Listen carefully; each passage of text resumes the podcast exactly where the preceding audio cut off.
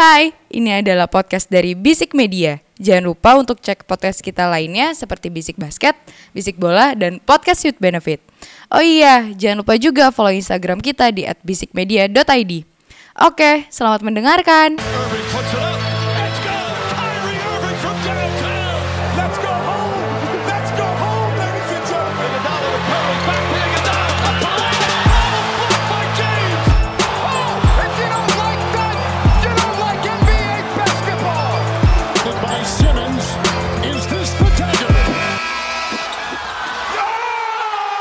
Kamu mendengarkan Bisik Basket, podcast putar basket NBA dan juga dalam negeri yang dibahas secara santai sebagai pecandu basket. Candu, candu. Seperti biasa Senin malam nih ya kita kembali sih. Yoi, Dan yoi. kita berdua lagi akhirnya. Berdua lagi Udah lama- setelah sekian lama. setelah sekian lama ya kan. Mm-mm. Biasanya kita jongkok-jongkokan nih. ya kan? Kita agak-agak flashback dulu lah episode-episode dulu ya kan. Berdua Yang dulu lagi. yang dulu so asik banget katanya kalau kita dengar lagi sekarang. Ya ampun. Udah so asik sotoy pula ya kan Ya seperti biasa ditemani sama gue di Masyoda Eke Dimsu Dan udah ada Ramzi Alam Eke Duzi Peke Komeng Eke Rem Eke Jontor Jeger Jeger Jeger Boom boom boom. Wak wak Nah. Gue aja sekarang. Iya, Udah paham gue dah. Udah, udah, Udah. ganti role-nya ya. Iya. Karena eh, kita dua, dua episode kemarin udah ngomongin Olimpiade ya kan? Ya walaupun USA udah masuk perempat final ya. Iya. Tapi gue juga agak hopeless juga sih itu menghadapi Spanyol ya kan? Iya. Tapi kita nggak mau ngebahas itu dulu. Beberapa weekend kemarin eh, beberapa eh, semua tim NBA Hmm. sudah mendapatkan pemain-pemain barunya Oh ada yang tidak mendapatkan tapi. ada oh iya ada, Ada. beberapa yang Langsung tidak mendapatkan. soalnya. Ntar dulu Ramzi, nanti Iya. dulu. Kalau masalah trade nanti dulu. Gue udah gue udah tahu tuh eh, fanboying lo terhadap purple and gold di, di California tuh udah menggebu-gebu ya. Iya, tapi iya, tahan iya, dulu. iya. Ha. Kita pekan ini akan ngebahas eh, NBA draft dulu, tapi kita fokusnya untuk ke top 3 aja ya. Iya. Kita ngebahas eh, saat di tahun ini di NBA Draft 2021 eh, first overall picknya itu didapatkan deng- eh, oleh Detroit Pistons Iya. yang di mana mereka mengambil Cat Cunningham. Kalau mungkin Cat kalian Cunningham. beberapa yang uh, mengamati gitu ya untuk Cat Cunningham ini dia main di Oklahoma State University. Hmm. Uh, as a, bisa dibilang dia juga uh, sh- uh, wing player ya. Mm-mm. Lebih ke shooter juga sih. Eh makanya wing player Iya. kan maksudnya Iya. dia lebih bisa jadi shooting guard atau mungkin lebih jadi small forward gitu. Hmm. Uh, he's a very versatile player. Buat gua dia ngedrive bagus. Dia juga uh, he's a, a decent shooter lah menurut Yes. gua. Malah uh, above average lah. Dia di musim kemarin di NCAA 20 poin per game. Hmm. Dapat uh, uh, six rebounds dan juga uh, 3.5 total assist. Menurut lo gimana sih untuk Kate Cunningham ini? Gue sih ngelihatnya dia sesederhana ini kayak tipikal mainnya tuh kayak Trae Young. Jadi emang gue yakin emang Detroit Pistons tuh dari kemarin dari dulu emang butuh pemain yang bener-bener bisa megang bola karena ya kita tahu siapa sih yang megang bola di di Pistons gitu loh sekarang-sekarang ini. Paling bahkan Pistons saja sekarang mungkin bisa dibilang cuman punya Jeremy Grant yang lain ya siapa lagi gitu loh. Gitu sih. Gua sih berharapnya yang gua lihat pas drive kemarin dia tuh sempat dibilang bahwa dia punya clutch, dia punya eh, three point shot, dia punya eh, drive juga ke dalam. Memang all round player juga sih bisa dibilang gitu sih. Ya, dan dan gue gue juga melihat beberapa gamenya dia ya waktu di di NCAA. Gue melihatnya bahwa dia dia yang megang bolanya, dia dia, dia pengatur tempo permainannya bisa dibilang dia eh, Ya. dia bisa menjadi playmakernya. Ya. Buat gue sih sendiri dia juga ya dia kayak yang lo bilang all around player. Dia he's a complete player. Hmm. Menurut gue juga dia pun eh, nggak terlepas dari eh, gaya bermainnya yang eh, unik ya. Dia nggak dia cuman kalau yang gue lihat di, waktu dia di college ya dia Hmm. ngedrive bagus, dia dia mentalitinya tuh udah Iya. NBA ready banget Iya, lah. iya. Jadi buat gua dia deserve lah untuk di first overall ya. Walaupun cuman dia 19 tahun nih. Iya. 19 tahun udah punya anak lagi lucu banget lagi. Namanya Riley juga lagi. Biar nyaling nyaingin yang itu kali ya. Riley Curry maksudnya. Hah? Hah? Ah, ya udah Ah. oke. nah di nomor dua eh, diambil sama eh, yang, di, yang didapetin sama Houston Rockets. Houston Rockets. Di eh, Houston Rockets memilih. Nah ini he's my favorite player deh dari Iya. high school nih. Iya. Dia di high school ini eh peringkat satu Ji sebenarnya Hmm, Ji. hmm, hmm. Tapi dia eh, memilih untuk eh, anti Masuk mainstream. Anti mainstream. Iya kan nggak menempuh NCAA Jalur Padahal- alternatif. Iya, padahal offernya banyak banget. Iya. Ya kan? Heeh. Dia menolak untuk nggak kuliah untuk Hmm. memilih uh, karir profesional di J League. Wow. Ya kan? Di Ignite ya. Di Ignite ya. Hmm. Uh, ada Jalen Green. Nih dia uh, half Filipino, half American.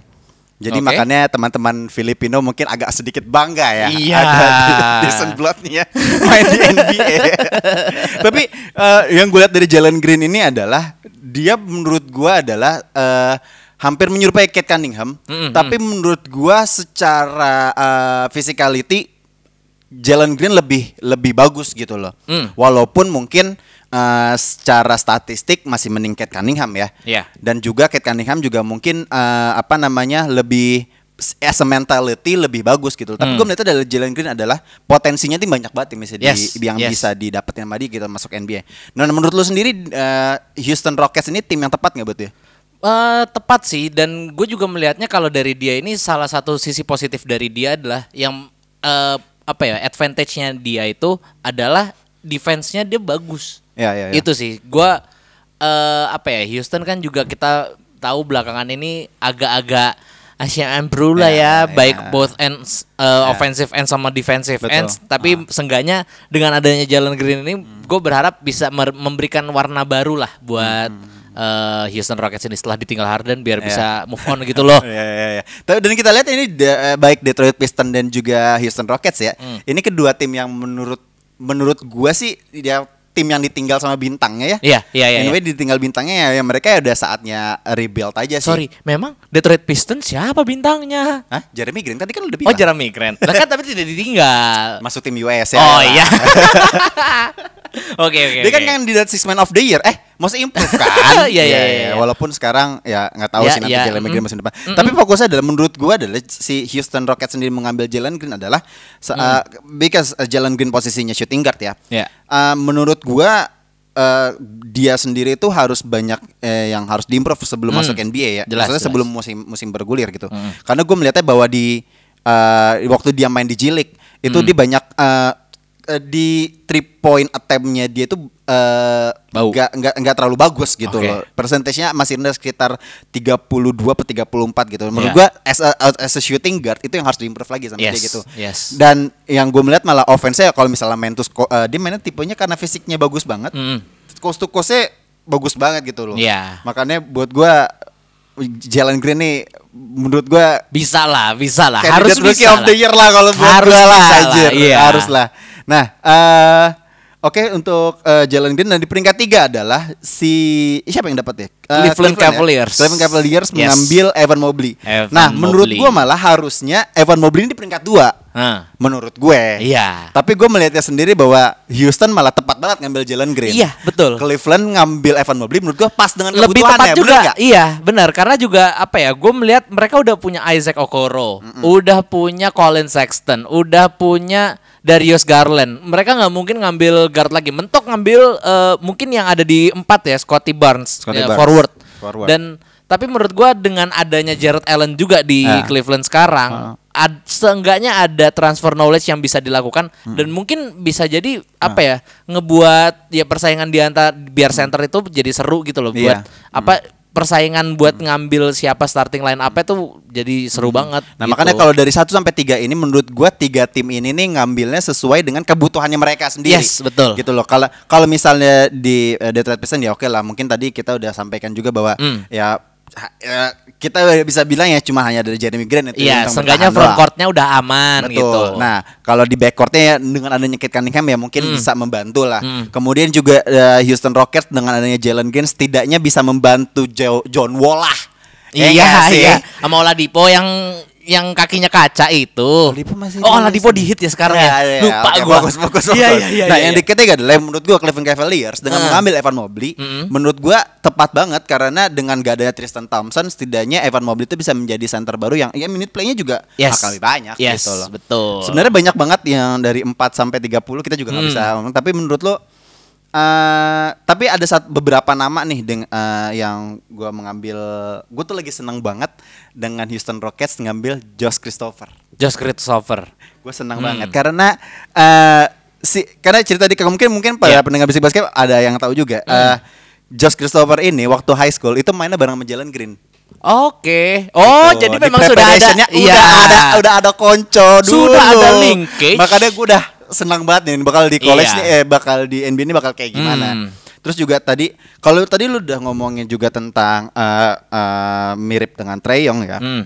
seingat gua eh, di di second roundnya Atlanta Hawks itu mengambil pemain yang mungkin kalian juga pada tahu namanya Sheriff Cooper. Oke. Sheriff Cooper ini menurut gua permainannya persis banget dengan Trey Young. Hmm. Jadi kalau lu pengen ngelihat eh, Trey Young KW Super, lu ngelihat Sheriff Cooper. KW super Karena persis banget Iya, ball handlingnya per mirip tingginya Iya, kalau iya, nggak salah iya. 6'2 nggak nyampe 190 lah nggak sampai 6'3 menurut gua persis banget dan Hmm. dan ya at least eh, mungkin bisa saling membantu lah ya, walaupun posisinya sama Dan lagi pula juga pasti senggaknya Treyang tuh dengan tidak mungkin di saat Treyang lagi di bench Ya. bisa ada dia gitu loh. Gitu Oke, sih. ah, mungkin ini eh, terlalu terlalu eh, terlalu dini ya tapi Ya. menurut lo sendiri eh, yang yang yang bakal yang berpotensi untuk mendapatkan Rookie of the Year kira-kira ya mungkin nggak sampai tiga ya tapi menurut dari dari draft kelas ini kira-kira yang dapetin eh, NBA Rookie of the Year siapa? Gue masih pede sama Kate Cunningham. Kate Cunningham. Yang pertama, ya gue masih pede sama eh, yang top 3-nya lah. Hmm. Mungkin satu lagi kayaknya si ini sih. Tapi gue nggak tahu. Balik lagi kalau misalnya semuanya works out ya. Ya. Mungkin dia bisa Jonathan Kuminga. Jonathan Kuminga, ya gue lupa dengan nama itu ya. Jonathan iya, Kuminga, mungkin ya, mungkin ya, dia ya. bisa kak. Lagi Ke pula ini ya dia ke Golden, State. ya. Iya, tapi masalahnya adalah yang kita lihat sebelumnya Hmm, ya, ada satu rookie yang bagus banget. Ya. Malah gagal, nggak kurang bagus gitu loh main di Golden State. Ya James Wiseman itu loh. Tapi Kuminga tuh lebih lebih ke lebih ke PF forward ya, lebih ke forward. Tapi iya, ya, iya. makanya gue berharap kan kalau center mungkin Ah. Mungkin gue melihatnya juga kalau James Wiseman kayaknya lebih apa ya dia agak-agak beban moral juga, terus juga beban langsung ketemu moral. Draymond Green langsung dicak-cakin gitu ya kan. nggak siap ya ya hey Rook gitu Ah, eh, nah nggak tahu makanya eh, Iya, iya. dengan adanya mungkin kalau Draymond Green kan posisinya udah sama juga mungkin bisa transfer knowledge-nya lebih Eh, baik lah betul, gitu. betul, betul, betul. Gitu. Ah iya, gue gue bener lupa yang namanya Jonathan Kuminga. Mm. Tapi ya juga gue juga sempat ngikutin di eh, eh, NBA apa Ignite ya apa? Iya, Ignite. Ya, Ignite itu timnya dari eh, eh, NBA di G League itu Mm. karena gue fokusnya malah ke si Kuminga itu Mm-mm. karena mainnya surprising good gitu loh Yes. bagus banget Yes. eksplosif banget jadi menurut gue kayaknya sih dengan kebutuhan di Golden State dan dan apa ya namanya enam pemain-pemainnya juga ya berpotensi Klay Thompson bakal baik lagi musim ini Iya, iya. James Wiseman mungkin akan lebih baik daripada musim Iya. kemarin menurut gue kayaknya akan mengagetkan juga Odds-nya tinggi State loh Warriors. Iya, Jadi iya. odds odds yang juara tahun depan itu Nets pertama, dua Lakers, tiga Warriors masih. Satu, Gokil. Nets. Iya. Nets masih ya. Dua? Berarti dua tim dua tim favorit lo itu ya. Oke, udah kita bahas aja deh. Langsung Ah, lah. Kalau kalau buat gue, sorry kalau buat gue sendiri, oke, of the year, I'm Hmm. favorit gue tetap Jalen Green sih. Gue nggak. Oke, Gue gue gue oke. gue fanboyin banget ke Jalen Green dari since his high school gitu sih. Ya, oke, oke, sih. kita lihat, kita lihat Oke, nanti ya. Ah, eh, dari walaupun NBA belum bergulir ya, Mm-mm. eh, tapi berita-berita free agentnya tuh udah udah mulai udah udah udah Ah, iya. terdapat isu-isu lah dan dan trade talksnya juga rame banget nih. Mm-mm. Ah, yang terakhir, yang terbaru, yang rame sekali Iya. adalah. Iya. Tadi mungkin kita udah dibahas di awal Iya. ya. kita udah udah spoiler dikit ya. Ah, Russell Westbrook has- has- mendarat ke Los Angeles Lakers dan Lakers harus mengirimkan Kyle Kuzma, ah, Montrezl Harrell, KCP, KCP, dan several trades yang ya dua atau tiga ya? Eh dua ya? Satu, satu. Satu aja ya. Cuman yang 2024 pick dua- second round. Pick sekarang. Oh pick sekarang. Pick 2021. sekarang nomor 22. Oke 2022 Langsung ke Pacers tapi. Ah, Mm.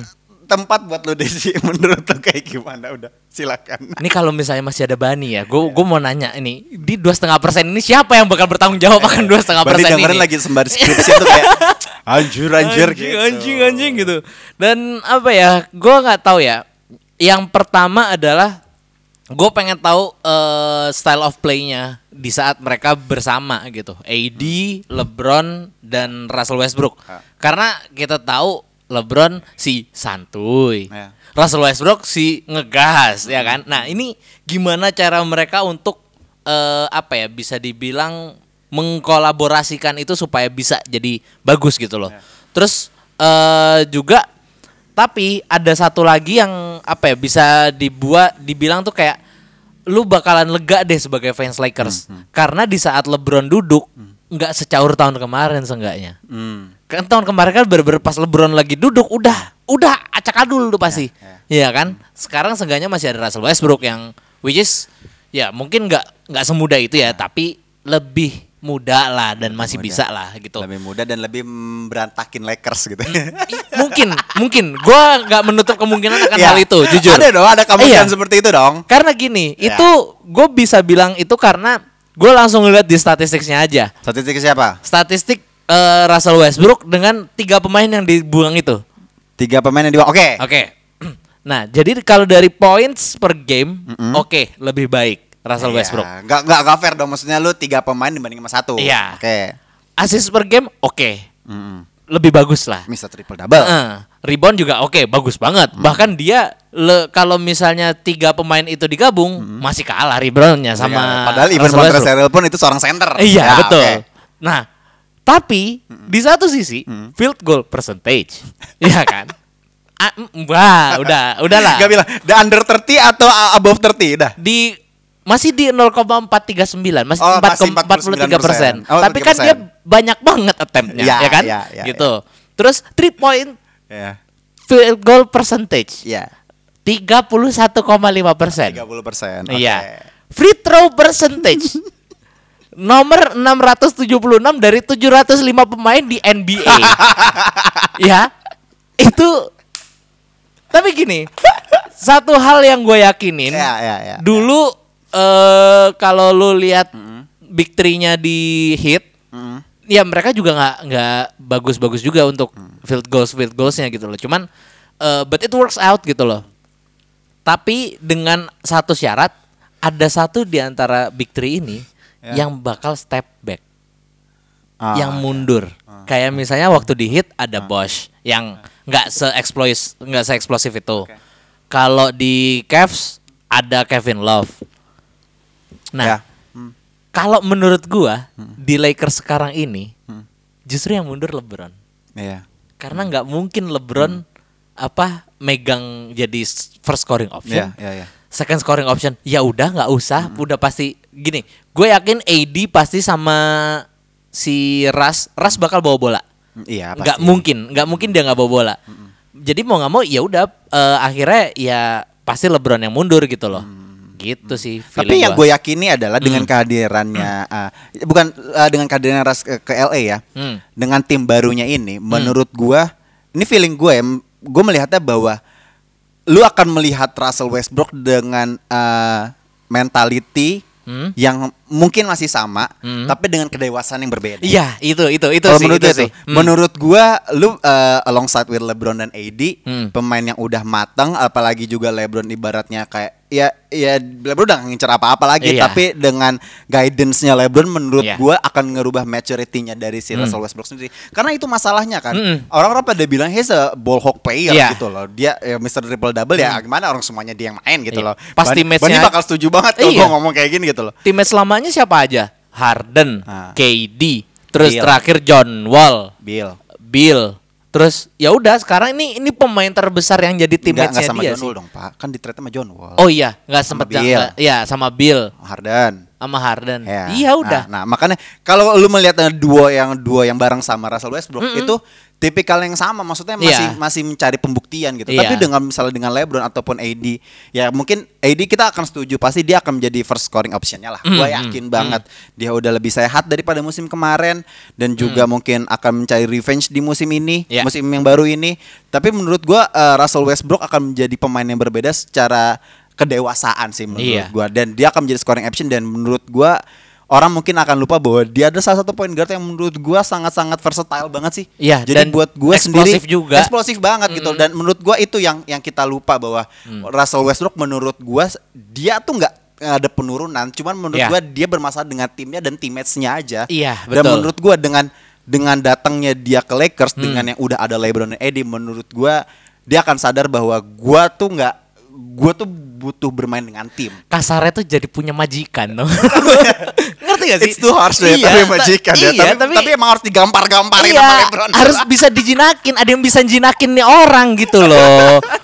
iya kan? Iya, iya, iya, iya. Karena waktu di OKC waktu masih uh, big three-nya, ya gue sih bilangnya dua ya. Maksudnya sama KD dia juga he's still young gitu loh. Yes, KD-nya juga yes. nggak menunjukkan sosok leadershipnya di waktu Mm. di OKC gitu loh. Mm. Tapi buat gue sendiri ya dia udah kalau nggak salah Russell Westbrook udah 30 31 menurut 32, gua uh. ya menurut gua dia udah inilah kesempatannya dia Iya, gitu iya. loh.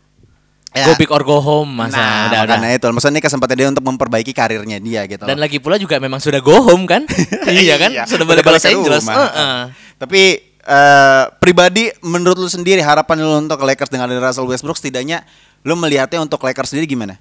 Ya Untuk musim untuk musim 2021 2022 ini ya. gua nggak yakin di sampai All Star nanti itu mereka udah langsung ngetun.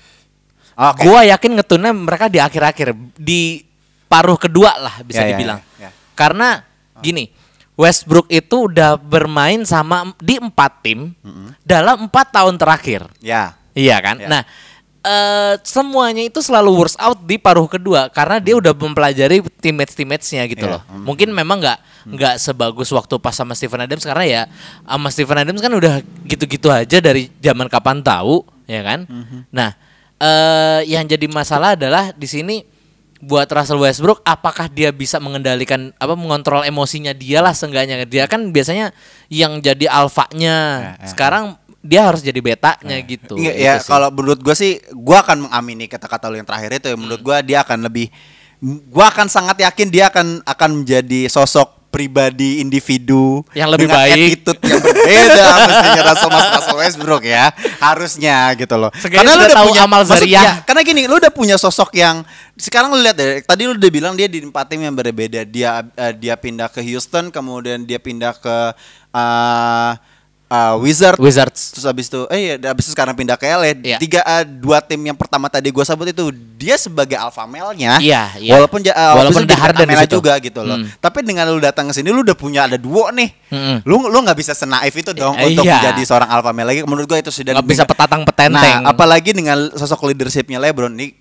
lu pasti bakal ngecerot banget nih gue ngomongin LeBron mulu dari tadi ya kan gue gue yakin banget dengan maturity-nya LeBron dan leadershipnya dia ya gue tapi gue setuju juga LeBron bakal menjadi ya udahlah duonya kalau misalnya dibilang kalau misalnya orang bisa menyebut AD sama Russell Westbrook deh gue gue tuh siapa lah gitu Iya. yang penting kan cincin kelima iya. Oke dia. eh, eh, gua- apa apa lagi gue mau Oke, oke, oke. ini Hmm. sebenarnya ada satu lagi yang eh, pengen gue tanyain ke lu juga sih pendapat lu Hmm. buat satu orang ini yang Siapa? ikut yang dulunya di draft sama Lakers siapa tuh tapi ikut juga tuh berangkat ke Washington Oke. Kyle Kuzma Ah. menurut lu apakah dia akan menjadi Brandon Ingram selanjutnya Brandon Ingram selanjutnya di mana dia keluar dari Lakers terus jadi bagus Enggak, enggak. Ah, se- setelah All Star dia udah berangkat ke Shanghai sih. Ya, tapi gue nggak melihat potensi itu. Tapi kalau misalnya Ingram, gue tuh udah melihat potensi itu waktu di Lakers. Hmm, hmm. Mungkin dia eh, se- eh, belasan poin lah kalau nggak salah waktu masih di Lakers dia masih statistiknya kalau nggak salah 14 sampai 16 poin per game. Hmm. Tapi statistiknya tuh rata gitu loh. Dia masih berkontribut. Gue nggak mengecilkan Kuzma waktu di Lakers. Ya, ya. Tapi wa- walaupun dia at some moment di, di beberapa momen krusial nggak ada AD dan LeBron dia terlihat gitu. Tapi konsistensinya tuh nggak nggak nggak terlihat gitu. loh. Hmm, ya, Makanya ya. buat gue sendiri sih Kuzma ya udah strike to Shanghai aja udah. main di CBA dadah. Kalau kalau KCP ya mungkin main nggak tahu di mana. Boleh gua aminin Amin. Amin. Amin paling serius.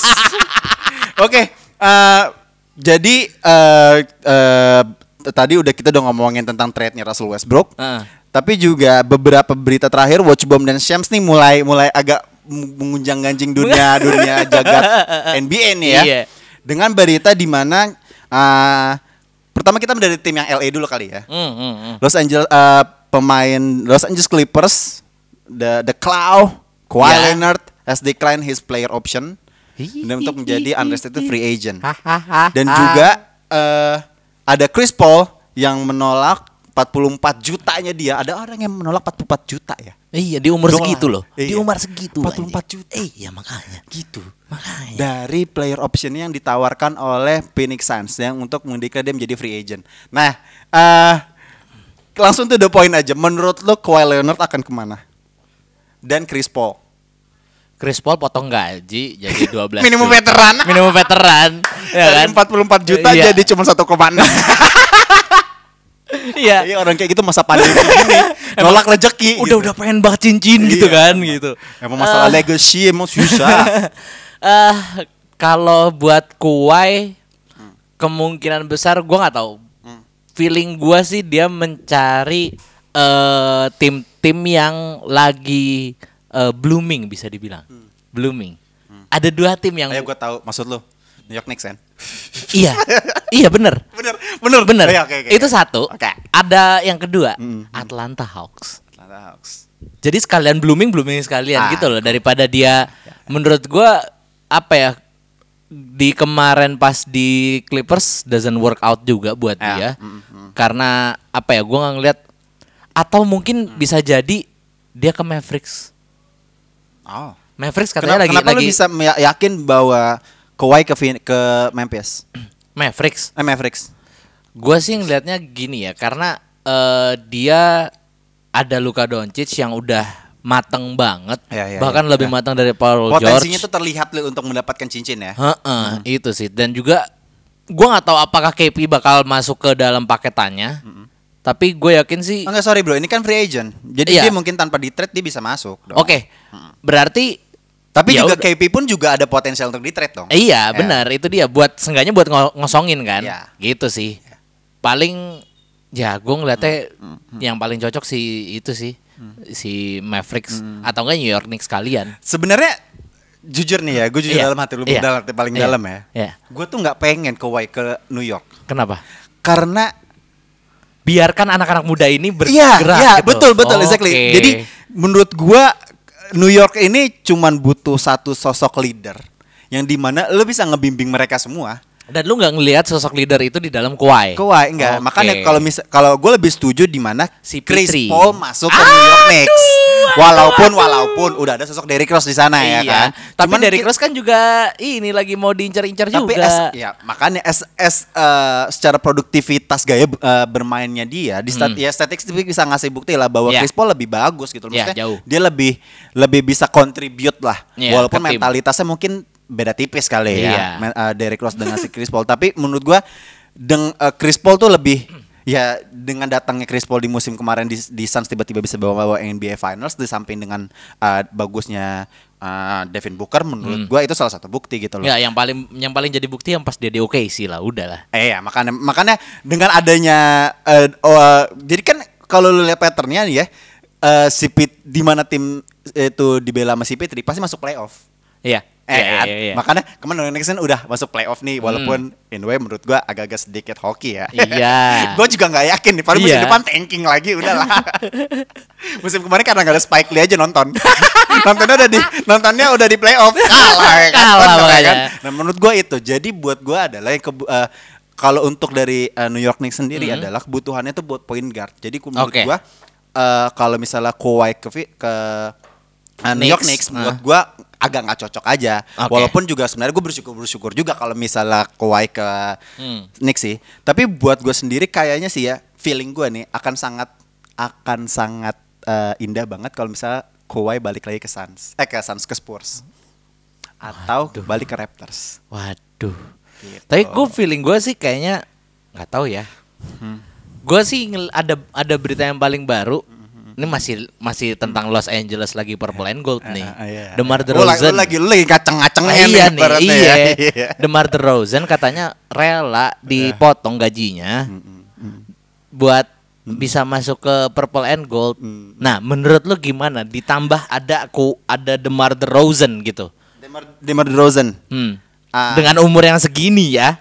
Eh, ah se- karena gua nggak tahu maksudnya Demar Derozan setelah dia di trade ke, ke Spurs tuh Hmm. semeredup itu tapi gue melihatnya bahwa eh, Spurs sendiri sekarang oh ya walaupun kemarin nggak masuk playoff ya gue melihatnya bahwa ya mm, eh, pemain terbaiknya Spurs sekarang ya ada di Demar Derozan Ya, statistiknya ya. nggak buruk-buruk amat kok Ya. jadi kalau menurut gua kalau misalnya Demar Derozan ngambil ya kan gajinya sekarang around 20 million Mm-mm. kalau misalnya ngambil minimum veteran menurut gua kayak ya mungkin jadi shooting guard yang cocok aja sih kalau buat gua sih Cocok aja ya. cocok aja Ya, cocok oke. aja tapi tapi emang karena gitu kalau gue melihatnya pada kalau misalnya nih lu bakal makin ngaceng lagi nih kalau gue ngelihatnya bahwa Lakers sendiri adalah di saat ini adalah belum ada sosoknya shooting guard yang decent banget Yes, untuk yes, yes. di dalam Yes. menurut gue malah di di starting line up-nya Hmm. sendiri shooting guardnya kemarin gue melihatnya kalau misalnya dari komposisi tim yang sekarang ya Hmm. adanya di Talon Horton Tucker Iya, di THT. menurut gue juga THT Tusun lah kalau misalnya dia dibebani untuk menjadi Yes, starting line up sih yes, walaupun dia yes. butuh minute menit play ya tapi kalau dengan eh, dengan eh, materi pemain yang se-stack itu dengan Hmm. big three yang barunya Lakers menurut gua eh, ekspektasi para fans ya kecuali dan lu juga pasti Hmm. akan sangat tinggi dong. Dan lu melihat ada shooting guard seorang THT, lu apa enggak pasti enggak asrek dong. Mending Caruso lah. pasti abang-abang botak itu. Iyalah. Nah, kalau buat gue sendiri ya, Kawhi sendiri itu kayak kalau Suns kalau si Pitri ya gue pengennya sih ke Knicks sih, tapi Kawhi ke mana? Kawhi menurut gue sih bakal ke Spurs sih. Kalau gue gue yakinnya ya, tapi gue nggak tahu juga Iya. mungkin mungkin juga kayaknya si Kawhi sendiri dia nggak akan ke mana-mana. Mungkin dia akan nego gaji lagi, dia akan uh, kontrak yang lain gitu. Dapat kontrak baru Oke. lagi dari Clippers kalau menurut gua. Oke. Karena satu kalau menurut gua satu hal yang yang pasti adalah kampung halamannya di DLA bro di Kelly Hmm. jadi menurut gue dia nggak akan ke mana-mana gitu paling kayak lagi nawar gaji baru lah kalau menurut gue sih Kalau Biar naik gua. ya. lagi sama Steve Ballmer lagi ayo lah Ayo lah, sikit masa lah." sulit ini PPKM gitu tapi kalau si Fitri I would love tuh kalau misalnya dia ke New York Knicks tapi gue melihat arah-arahnya dia akan kembali ber- bukan kembali sih kayaknya akhirnya akan bergabung bersama Purple and Gold lagi sih. Siapa? Purple and Gold itu kayaknya. Siapa? Chris Fitri kayaknya. Tuh. Kayaknya, tapi nggak tahu Iya, sih. iya, iya, tapi iya. 44 juta aja ditolak gimana? Iya. Gajinya udah udah salary cap udah nggak masuk Lakers. Iya mak ya Ah. ya ditolak mungkin ya nggak tahu lah. ya udah eh, kita lihat ya maksudnya eh, free agent ini kan ba- baru pekan ini bakal Yes. akan ramai jadi Ya. eh, lu akan yang penting aja watch bomb sama Sam Scarlett ini tuh bakal nge-tweet banyak lah menurut gua dan akan kalau nggak salah free agent free agent tahun ini kayaknya agak-agak rame juga ya Iya iya iya. jadi kayaknya le- ini bakal seru banget sih Hmm. Eh, and, eh, USA kapan main Eh Sun lah. Soon lah ya menurut lu masih bakal chance Nggak usah nggak? nggak Ya. usah Slovenia Ya. wins Ya. the gold. Slovenia wins the gold ya Yes. sama kayak kemarin tadi bulu tangkis habis menang Ayo. oke see you bye Bye bye.